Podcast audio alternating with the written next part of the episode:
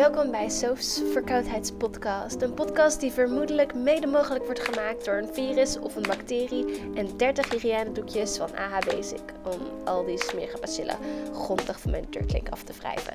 Een hele goede morgen, middag of avond. Blijf vooral even hangen voor Soph's. Ik kan me niet concentreren op mijn artikelen, dus hierbij een Verkoudheidsverhalen podcast.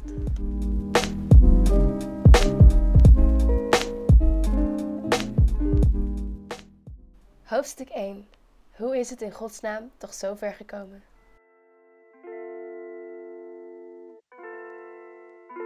Ik lig in bed en mijn keel doet pijn.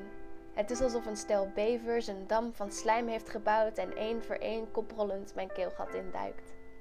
Ik fantaseer over een king-size spoon die alle losse snotjes als een sneeuwschuiver bijeen verzamelt en zachtjes laat smelten op het puntje van mijn tong zodat ik hen zorgvuldig uit kan spugen in het host van de nacht op mijn studentenwc.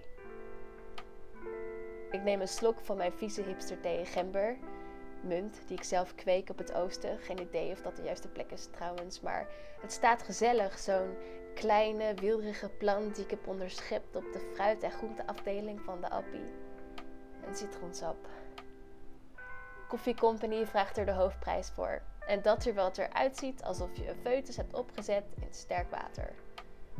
Beter worden gaat niet vanzelf. Hoe is het in godsnaam toch zo ver gekomen? Ik kijk naar boven, naar het plafond dat de hemel moet voorstellen.